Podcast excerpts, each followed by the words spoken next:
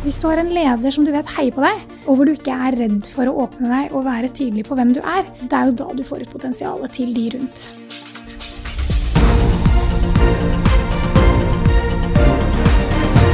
Dette er All In med Oslo Business Forum. For 20 år siden skrev Jim Collins boken Good to Great, som har blitt en klassiker i ledelsesfaget og en bestselger gjennom mange år med mer enn 10 millioner solgte eksemplarer. Funnet til Collins og hans forskningsteam den gangen var at ekstraordinære selskaper hadde langt bedre resultater enn de gode selskapene. En av årsakene var at de ekstraordinære selskapene fokuserte på hvem, og deretter hva. First who, and then what, som de innfødte sier. Ved oppstarten av forskningsprosjektet forventet Collins og co. å finne at de beste lederne kom inn i selskapet, pekte ut retningen og motiverte de ansatte til å jobbe mot målet. Men det de fant ut, var ganske annerledes. Hør her. They came in and they said, I am not going to figure out where to drive this bus until I have first figured out what? Who should be on the bus? Who should be off the bus? And who should be in the key seats? And only once I've got the right people on the bus and the right people in the key seats, then we will figure out where to drive the bus. It's the idea of first who, then what. First get the right people, then figure out what to do. Dagens gjest, Merete Verven, har siden våren 2020 vært toppsjef i Visma. Et selskap med mer enn en million kunder, 13 000 ansatte og 18,6 milliarder kroner i omsetning. Men det er ikke bare tallene som gjør Visma til et ekstraordinært selskap. De ansatte jeg har snakket med, er svært stolte og dedikerte.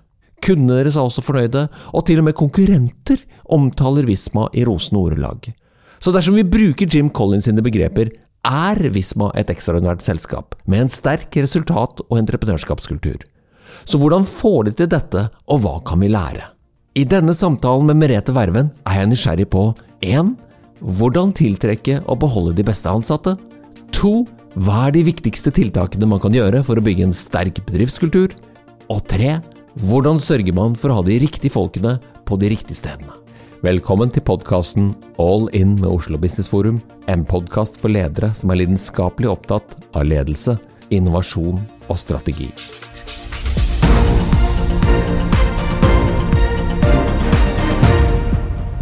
Velkommen, Merete Verven. Tusen takk. Veldig hyggelig å være her. Spennende også, syns jeg. Du leder et selskap med 12 500, eller kanskje opptil 13 000 ansatte. Nå har vi nok rundet 13 000, ja. Ja, og som har gitt gode resultater. Omsetningsvekst både, og bunnlinjevekst også, selvfølgelig. Mm. Og du har overtatt ledelsen av dette selskapet, eller du overtok ledelsen i 2020? Det gjorde jeg. Midt i koronanedstengning så hadde jeg min første arbeidsdag som konsernsjef. Heldigvis så vil jeg si jeg var jo visekonsernsjef i uh, halvannet år før den tid. Så den overgangen 1.4.2020, den var ikke veldig brå for noen av oss. Bortsett fra at alt plutselig var annerledes for oss alle. Eksternt så var det veldig annerledes. Helt andre måter å lede det konsernet på. Men, men, internt så var vi alle godt rigget i forhold til den overgangen, heldigvis. Men Merete, hvem er du som uh, toppsjef? Hva kjennetegner deg som toppleder? Oi, det var et godt spørsmål. Um, det er jo flere som har blitt spurt om det. Jeg går nok for å være uh, direkte målrettet, tydelig. Uh, vet hvor jeg vil og hva jeg ønsker å oppnå, eh, men ønsker å gjøre det sammen med folk, ikke alene. Eh, og er veldig sikkert litt krevende i form av hvor mye jeg ønsker at vi skal få til sammen. Men samtidig veldig varm og bryr meg mye om de jeg jobber sammen med. Jeg har gjort litt research, og det er flere som skryter veldig av deg og hvordan det er å jobbe med deg. Både fordi at du setter krav til folkene rundt deg, men også at du gir stort rom for at folk kan finne løsningene og levere resultatene ut fra hvordan de ser deg best. Du er enig i den karakteristikken? Jeg har i hvert fall fått eh, tilbakemelding på det, så det setter jeg stor pris på. Det er flere medarbeidere som sier at det, de har vel kanskje aldri hatt en mer utfordrende leder, men de har aldri utviklet seg så mye, og så har de aldri opplevd at de har blitt så godt sett og, og på en måte hørt på i tillegg. Så det er veldig hyggelig. Men så er det noe med å få folk til å utvikle seg også. Mm. Så kommer jo gjerne resultatene i form av vekst for avdelinger og selskaper, stemmer ikke det? Jo, jeg syns jo absolutt det. Det er jo vår, eh, vår, rolle det som ledere å fasilitere og sørge for at du får det beste ut av de eh, rundt deg. Uten tvil. Men var det gitt at du skulle bli toppleder eh, i, når du satt og studerte og lurte på hva du skulle bli når du ble stor? For du gikk på NHH, gjorde du ikke det, i Bergen? Jo, jeg gikk på Handelshøyskolen i Bergen, og så dro jeg til St. Gallen og tok en, en master der. Um, det var virkelig ikke gitt. Så jeg vil vel si at da jeg studerte, så Jeg tok jo da en, um, en gammel Sivøk med Eh, finans i fordypning. Eh, og så tok jeg da en påbygging master på, med internasjonal ledelse i St. Gallen. Og de to tingene som jeg syntes var utrolig spennende, det var å jobbe med tall. To streker under svaret, veldig tydelig eh, hva som var fasit. Og jobbe med mennesker. Så jeg tok psykologi grunnfag og tok en del av de myke tingene ved siden av. Eh, og det er vel de to tingene som har vært mønster hele veien da, i min karriere. Eh, hvordan er det man kan skape verdier ved å fokusere på å ha riktig menneske på rett sted. Eh, jeg så vel for meg at jeg hadde veldig lyst til å bli leder. Men på hvilket nivå, det hadde jeg aldri tenkt. Så målet var kanskje å bli en manager, en mellomleder. Hva var ruta da? Ruta var Jeg begynte i Arthur Andersen som financial management consultant. Eh, jobbet som analytiker eh, en periode i Danmark. Eh, jobbet litt med revisjon. Og så kom Enron-skandalen i USA, hvor Arthur Andersen og EY ble fusjonert. Og jeg ble da spurt om jeg kunne analysere de to eh, selskapene. Og på den tid så var det i overkant av 2000 ansatte i Arthur Andersen, 2000 ansatte i EY. Eh, hvor jeg skulle analysere og, og se litt på hva er det som gjør hvert selskap magisk, og hvordan er det dette nye selskapet, denne nye bedriftskulturen, kan være slik at vi lykkes enda bedre enn det hvert selskap gjorde, eh, hvert i sitt. Eh, og i den perioden så um, fikk jeg muligheten, eh, sammen med fantastiske mennesker, til å samlokalisere 26 av kontorene. I etterkant så, så jeg tilbake på at enkelte klarte seg veldig godt. Andre klarte seg mindre godt. Og mønsteret i den utviklingen, eh, det var der hvor vi hadde lykkes å skape én ny kultur med mennesker som komplementerte hverandre, og jobbet enda bedre sammen. Der fikk man gode resultater. Mens der hvor det var gnisninger og konflikter, eh, og man ikke klarte å, å samhandle på god måte, der mistet vi etter hvert kunder, og det gikk ikke like godt. Og det var egentlig min vei inn i HR. Eh, hvor jeg fikk lyst til å jobbe mye mer proaktivt med HR for å sørge for, igjen tilbake til å ha riktig folk på rett sted, for å skape verdier. Eh, jeg ble da i EY til sammen ti år. Uh, hadde kjempespennende utvikling der og, jobbet fra Norge først, og deretter uh, med et nordisk ansvar. Og så begynte jeg da i Visma som HR-direktør for én av divisjonene i Visma i 2011. Eh, på den tid så var det da første gang Visma ansatte en HR-direktør som fikk et bredere ansvar. Så jeg var da ansvarlig for 2500 ansatte i 13 ulike selskaper på tvers av fem landegrenser. Og innen første år så spurte daværende Øystein Moan om jeg kunne tenke meg å være med i konsernledelsen og bli CHRO, altså ta HR-ansvaret for hele konsernet. Eh, og det gjorde jeg, og etter hvert så eh, jobbet vi da med å profesjonalisere eh, HR og gjøre dem til en proaktiv businesspartner. Eh, jeg jobbet etter hvert eh, mye med oppkjøp. For det er slik at når man kjøper selskaper, så handler det også om å kjøpe riktig kultur, riktige mennesker som vil passe med det vi gjør og, det de vi er og det vi står for i Visma.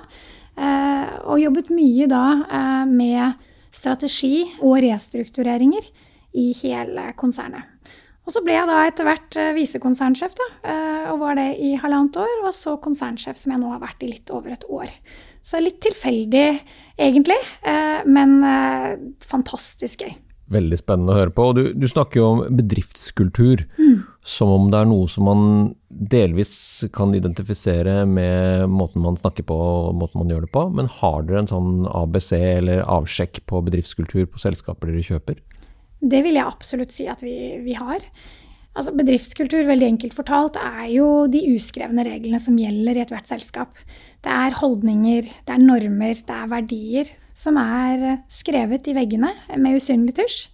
Og det å kjenne etter hva som er skrevet på veggene med usynlig tusj, og hva som gjør at uh, menneskene i den organisasjonen kommer på jobb hver eneste dag og har lyst til å gi full gass, eller egentlig er der bare for å få timene til å gå, det er helt avgjørende for verdiskapningen.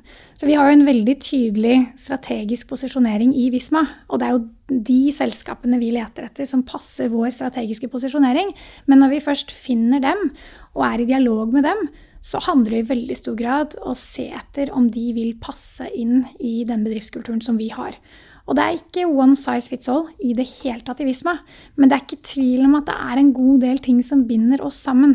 Vi er eh, entreprenører av natur. Det går fort i svingene, på godt og vondt. Eh, det er utrolig stort fokus på lagånd, eksperimenter. Vi jobber jo i tech-bransjen, sånn at eh, vi er lettbente og raske. Og det gjør at av og til så gjør vi feil. Eh, og hvis ikke vi gjør feil, da er vi egentlig for treige. Det er jo en helt annen kultur enn hvis man eksempelvis jobber med revisjon, hvor det er krise å gjøre en feil. Så, så det å være tydelig på DNA-et i et selskap. Og hos oss er det entreprenørskap. Det er høyt dedikerte, eh, høyt engasjement. Det er ønskelig at vi skal gjøre litt feil, men vi skiller på prosjekter og eksperimenter. Prosjekter kan ikke gå feil, eksperimenter kan det. Eh, og så har vi veldig stort fokus på mangfold. Jeg har stor tro på at det å ha mangfold inn i selskapene takhøyde for å ta opp diskusjonene. Hvis jeg er i et møte og det ikke er en én diskusjon og alle er enige, så blir jeg litt bekymret. For da er det ikke tvil om at det er noen aspekter vi går glipp av. Så det er faktisk en av verdiene våre. Inclusiveness. Nå har jeg tusen eh, tanker i hodet mitt samtidig. Merete. Det, den første tanken som jeg må stille deg om, graver litt mer i hva gjør dere for å finne den usynlige tusjen? Mm. Og det du beskriver er jo både hva Jeg kan jo tenke meg hvis man gjør en sånn due diligence, og noen gjerne vil bli kjøpt opp av Visma. Mm. Og det vil jo typisk være veldig stor forskjell på eiere og ansatte i et sånt selskap. Mm. Eierne ser dette veldig forlokkende og sikkert som en mulig exit, mens de ansatte kan fort bli litt utrygge. Her kommer gigantiske Visma med disse 13 000 kjempeflinke menneskene og en million kunder, for det er vel der vi er, ikke sant? Over en million, faktisk. Ja, og det vil jo kunne være utfordrende i hvilken egeninteresse man har når man gjør disse spørsmålene. Går dere da og spør alle ansatte, noen ansatte? Eh, hvordan finner dere representativitet i denne kartleggingen? Mm. Det varierer veldig. Eh, vi ønsker jo å snakke med så mange som mulig, egentlig, men veldig sjelden har vi den muligheten. Fordi det er jo ikke slik at alle vet om at man er i prosess før man faktisk har landet dealen. Så en viktig del av ethvert oppkjøp vi gjør, det er HRDD-en. Du har jo en rekke DD-prosesser når du gjør, gjør M&A, med finansiell, tech-DD, naturlig nok, kommersiell, legal etc.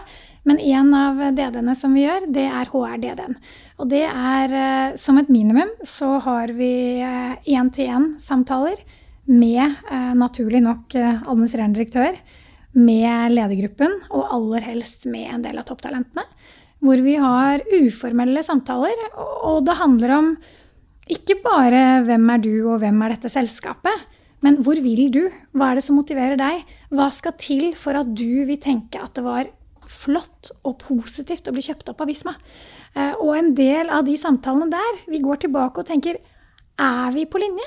Vil vi det samme med dette selskapet? Og hvis vi vil ulike ting, da gjør vi ikke kjøpet. For da tror jeg faktisk at de vil ha det bedre uten oss enn med oss. Så det å være veldig åpen, transparent på hva vi ser for oss med kjøpet, eh, og parallelt lytte til hva er det som driver dem. Eh, enkelte blir jo drevet av andre karrieremuligheter internt i Visma. Andre vil få lov til å egentlig gjøre akkurat det de gjør i dag. Tredje vil gjerne ha et nettverk rundt seg, lære mye nytt. Dette mapper vi opp, og så sørger vi for at vi leverer på det innen de første tre månedene, for å sikre at de opplever at dette her var verdiskapende for deres virksomhet. Eh, så det er, eh, det er, en veldig viktig del rett og slett, av, eh, av DD-prosessen. Og så er vi jo opptatt av å få tall og data på medarbeiderengasjement, hvor stor turnover er det, hvor høyt er sykefraværet. For det er jo veldig mange datapunkter som kan gi deg mye knyttet til eh, engasjementet eh, og stoltheten internt i selskapet. Og så går vi i dybden på hvordan de rekrutterer. Altså, vi rekrutterer jo eh, alle som kommer inn hos oss. De er jo gjennom evnetester. Vi gjør personlighetstester av ledere. Vi gjør work cases, strukturerte intervjuer. Vi gjør referansesjekker. Vi gjør alle de tingene man kan gjøre for å ha den høyeste validiteten opp mot job performance. Og, og, hvis de også gjør det i sitt selskap, så er jo det også noen punkter som vi tenker at det er positivt. Og hvis ikke, så er det noe vi kan bidra med etter at de har kommet og blitt en del av Visma. Hvor tight er den her eh, målingen og rapporteringen hos dere da? Hvilken måling? Ja, ikke sant? På individnivå og gruppenivå. Hvor god oppfølging, hvor stram oppfølging har dere? Jeg vil si at uh, hos oss er det jo ekstremt mye frihet. Eh, for det er måten å beholde entreprenørene. Og vi måler jo hvor mange entreprenører som blir i selskapet. Og jeg er veldig stolt av å si at eh, over 70% av entreprenørene de er fremdeles i Visma etter fem år.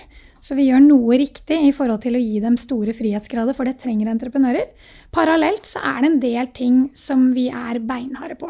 Vi er beinharde på finansiell kontroll. Vi er jo private equity-eid. Syv private equity-eiere. Så de er jo utrolig opptatt av, naturlig nok, det er jo jeg òg, at eh, vi har full kontroll på eh, de finansielle resultatene. Så fjerde arbeidsdag i en ny måned, da har vi konsolidert opp alle selskapene eh, og har ferdig månedsrapport. Det tror jeg er ganske bra sammenlignet med de aller fleste andre selskaper. Og så er vi utrolig opptatt av tech-kontroll. Så jeg pleier å si at jeg har to dashbord som eh, er helt avgjørende for meg. Og det er det finansielle dashbordet, som jeg kan drille ned eh, og få frem all mulig slags data. Og så er det tech-dashbordet. Mm -hmm. Og så kan man på samme måte si at vi har et people dashboard, men der er det veldig mye spillerom. Vi gir mye frihet. Noen medarbeidere har behov for formelle, ofte samtaler. Gjerne jo yngre de er, jo mer har de behov for det. Mens andre eh, liker å løpe rundt og ordne selv og ha uformelle checkpoints underveis. Eh, selvfølgelig så har vi tilbakemelding på hvordan det går, og det er linket opp mot lønnsutviklingen i selskapet. Men hvor ofte man har disse samtalene, hvor formelle, uformelle de er, der er jeg faktisk veldig opptatt av at lederen klarer å tilpasse sin lederstil, slik at medarbeideren opplever at det er tilpasset det den personen har behov for for å få den beste utviklingen. Ja, og med over 13 000 ansatte så blir det en håndfull å holde styr over. Så det høres jo veldig bra ut, det der nesten litt sånn um, tight, loose, tight, har ja. jeg hørt er liksom en slags uh, sjablongaktig lederfilosofi for store selskaper nå for tiden. Du er enig i dette? Kunnskapsarbeideren trenger den derre slacket, men den trenger også kravene. Ja. Mm. Og det er der du må tilpasse det. Fordi noen har behov for tett oppfølging, har behov for veldig tydelige rammer, ansvar og typisk gjerne de som er litt yngre. Mens andre vil føle at de blir kvalt i et slikt oppsett, og da skal vi heller ikke gjøre det. Så, så, jeg er opptatt av at det er et par ting i Visma, det vet alle, som man bare må gjøre. Eh, som man må ha kontroll på. Og så er det veldig mange veier til mål på hvordan man skal følge dem opp, hvordan man skal utvikle dem. Vi har jo ikke noe tydelig karrierevei i Visma.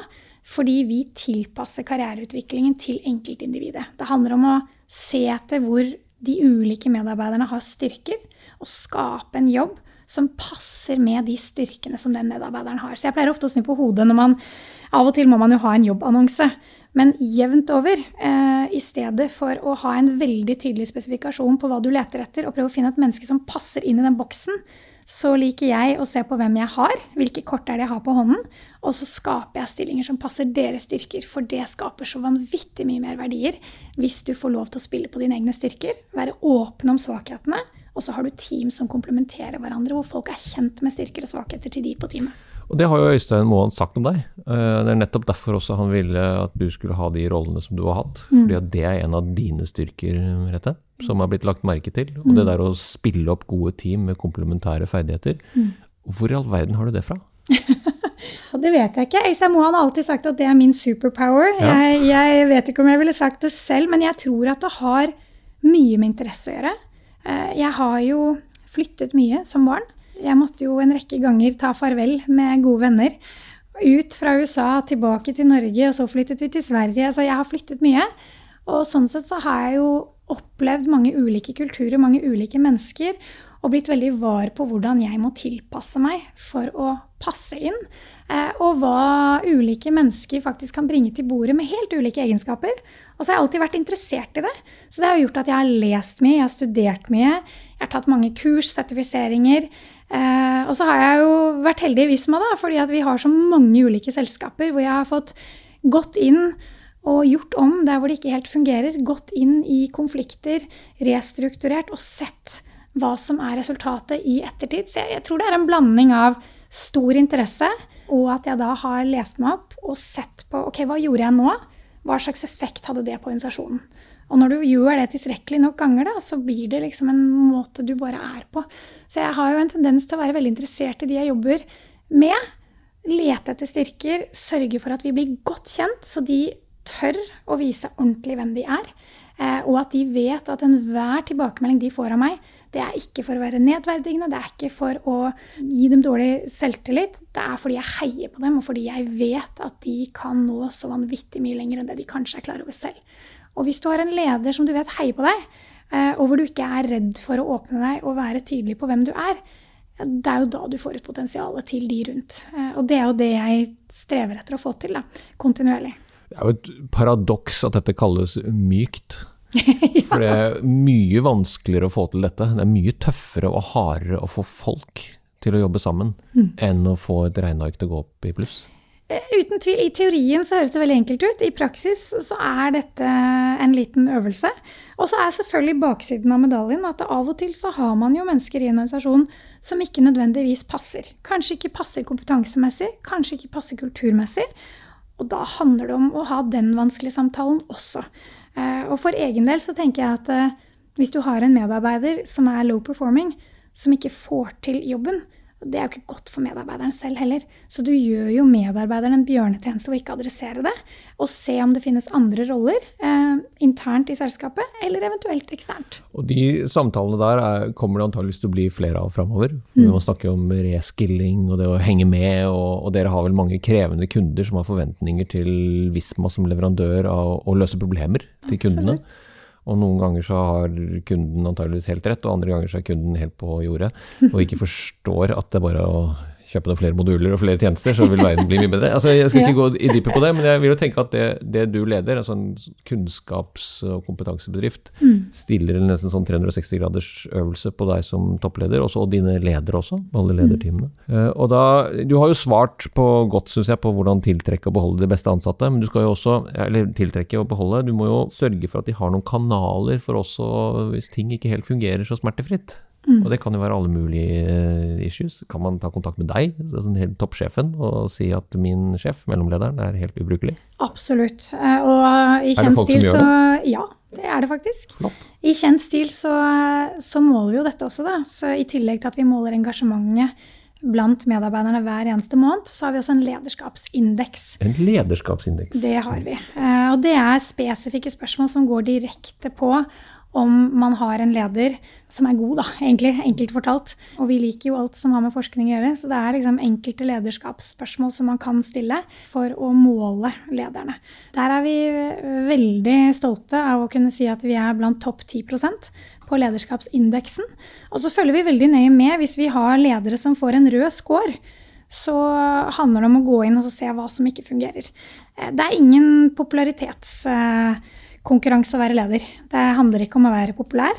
Av og til må man gjøre tøffe grep som ikke alle medarbeiderne setter pris på. Og det kan gi deg en dipp i en periode. Men røde ledere over tid, det har jeg ikke tro på. Fordi medarbeidere de følger faktisk ledere i større grad enn de følger selskaper. Så har du feil leder, så har du en tendens til å slutte på sikt. Eh, og hvis en veldig talentfull leder eh, slutter i selskapet, da kan jeg veldig ofte være bekymret for at det vil følge med en liten skokk av medarbeidere. Så da tar vi veldig fort tak da, i å snakke med medarbeiderne eh, knyttet til dette. Så folk kan ta tak i meg, de kan ta tak i andre ledere. Vi har en veldig flat struktur. Jeg er lite opptatt av hvor i systemet du befinner deg. Og kanskje som konsernsjef som var CHO tidligere, så tror jeg at den døren føles veldig åpen. Eh, fordi det, det, var gjerne den kanalen folk kunne gå til også før jeg ble konsernsjef. Så det er heldig i så måte. Og så har vi også disse anonyme systemene som ethvert stort selskap må ha, som whistleblowing. Eh, hvor, hvor, vi får inn anonyme tilbakemeldinger, og det er noe vi følger. Så jeg tror jo de undersøkelsene vi kjører, det er jo månedlig. Og vi har 92 eh, som svarer hver eneste måned. Og det tror jeg de gjør fordi de ser at for det første så er alle resultatene synlige. Eh, og de ser at vi tar tak hvis det er noe å ta tak i i scoren. Så det handler ikke om å være fornøyd med seg selv fordi vi faktisk gjennomfører en undersøkelse. Det handler om å følge opp svarene på undersøkelsen og finne ut hvorfor svarene er slik som de er. Rett og slett eh, ta aksjon, da, hvis det trengs. Hvor lenge har dere hatt eh, lederskapsindeksen? Oi, skal vi se her. Nå har jeg jobbet i Visma i snart ti år. Jeg innførte den eh, innen et år etter at jeg begynte det. Så, Så det ja, har blitt vi en har del av kulturen. lenge. Sånn ja. gjør vi det her. Ja. Men du hadde den med deg utenfra, eller var det noe du hadde lyst til å teste ut på et så stort selskap? Jeg er jo Historisk så var jeg veldig glad i 12 Elements of Engagement. Og der er det en, en rekke spørsmål hvor man har forskningsbasert funnet ut hva kan du spørre om for å sikre at du faktisk måler engasjement. For engasjement er jo eh, linket opp til eh, job performance og ikke minst eh, resultatene som det gir. Og så har, man jo, har det jo skjedd mye siden 12 Elements ble skrevet. Så jeg fortsetter jo da å, å, å lese og oppdatere meg. Og nå har vi brukt et verktøy som heter Picon, som vi er kjempefornøyd med eh, internt i Visma. Som er veldig lettbent, gir gode rapporter til lederne og er omtrent helautomatisk. Så det er lite administrativ tid. Så det er digitalt. Ja. Eh, Du har jo du har svart veldig godt for dette med bedriftskulturen. Opplever jeg at det er mye av det du står for og, og, og snakker veldig varmt og tydelig om.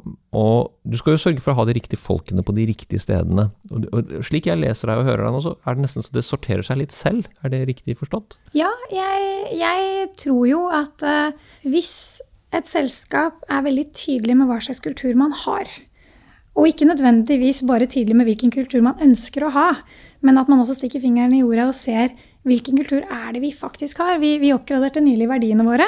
Da gjorde vi kjempe, en kjempeundersøkelse og veldig mange samtaler for å høre fra medarbeiderne hvem er vi? For det er jo det det handler om. Verdier er jo bare ord, hvis ikke det faktisk beskriver hvem vi er og hvem vi ønsker å være. Hvis du er veldig tydelig på det, og du er det i enhver rekrutteringssammenheng, eh, og at du rekrutterer ikke bare kompetanse, men mennesker som passer inn i den type kulturen, selv om det skal være veldig mye mangfold blant det, og du sørger for å ha ledere som etterlever den kulturen og de verdiene som vi ønsker å skape. Fordi lederne de har en enorm påvirkning på kulturen som skapes. Og hos oss ønsker vi jo at lederne skal være tett på medarbeiderne tett på å se på hva slags styrker de har. Flink til å manøvrere seg i et terreng som det eneste vi vet, det er at det endres. Så vi pleier å si at Visma er ikke en organisasjon, vi er en organisme som kontinuerlig utvikler seg basert på nye innspill. Så endring er nesten stabiliteten i vårt konsern. Og derfor så har vi ikke tydelige karriereveier og bokser ting inn hver idé den rollen i to år. Vi har eh, administrerende direktører som har jobbet ett år hos oss eh, etter studietid. Så det er ingen jobb som er for stor eller for liten, eh, og du trenger ikke å ha jobbet i fem år for å være klar for en rolle. Hvis du, hvis du er kompetent og har riktige verdier, så kan du veldig fort kommer langt hos oss. Og med de egenskapene, og mye trening knyttet til det også, selvfølgelig, så har dette en tendens til å løse seg ganske godt selv.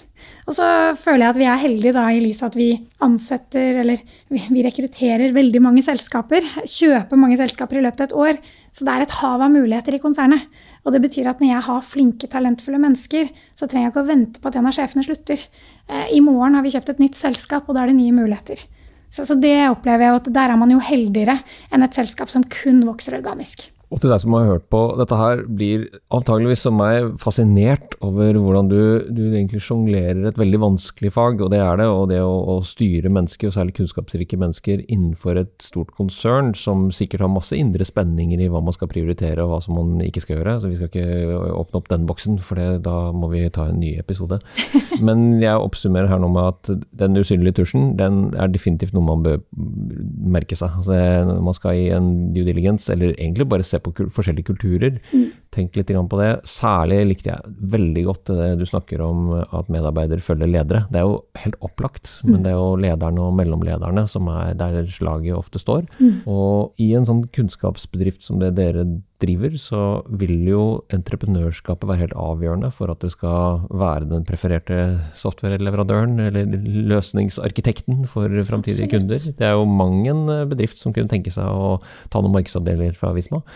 Og de kan jo risikere å bli kjøpt opp, det er noe, noe annet. Men de, det der at du finner de som passer, eller du da, eller dere finner de som passer ja. med dere Men det må vi ta en annen gang. Vi må snakke mer med flere om dette med flere stemmer og flere vinklinger inn i, i, arbeidslivet og i lederskap med det med mangfold. Mm, Jeg vet at du er en, eh, en eksponent for akkurat det, og hvor viktig det er å ha rom for det der, å stille det spørsmålet. Hvis alle er enige rundt en eh, diskusjon blant ledere, Mm. så bør du som toppleder, hvis du hører på, du må faktisk sørge for at det er noen som sier noe som er mot det som alle er enige om. Ja, Jeg har et det- veldig kjapt råd jeg ville gitt i en rekrutteringssammenheng. Hvis man ikke er bevisst, så har vi en tendens til å rekruttere mennesker som er like oss selv. Så det å sørge for at du faktisk går etter mennesker som komplementerer deg, og som ikke er lik deg selv, fordi i et jobbintervju så vil man ofte kjenne at å, vi er på nett.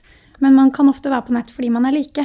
Det er egentlig ikke det du skal ha. Jeg er helt overbevist om at du får bedre produkter og bedre resultater hvis du rekrutterer noen som faktisk har styrker der hvor du har dine egne svakheter. Og med de ordene så skal vi faktisk sette strek her, så fremt ikke du har ytterligere fine ting du har lyst til å dele med oss. Og så er jeg alltid opptatt av å si at det er ikke tvil om at det er ikke jeg som får dette her til i Visma, det er vi.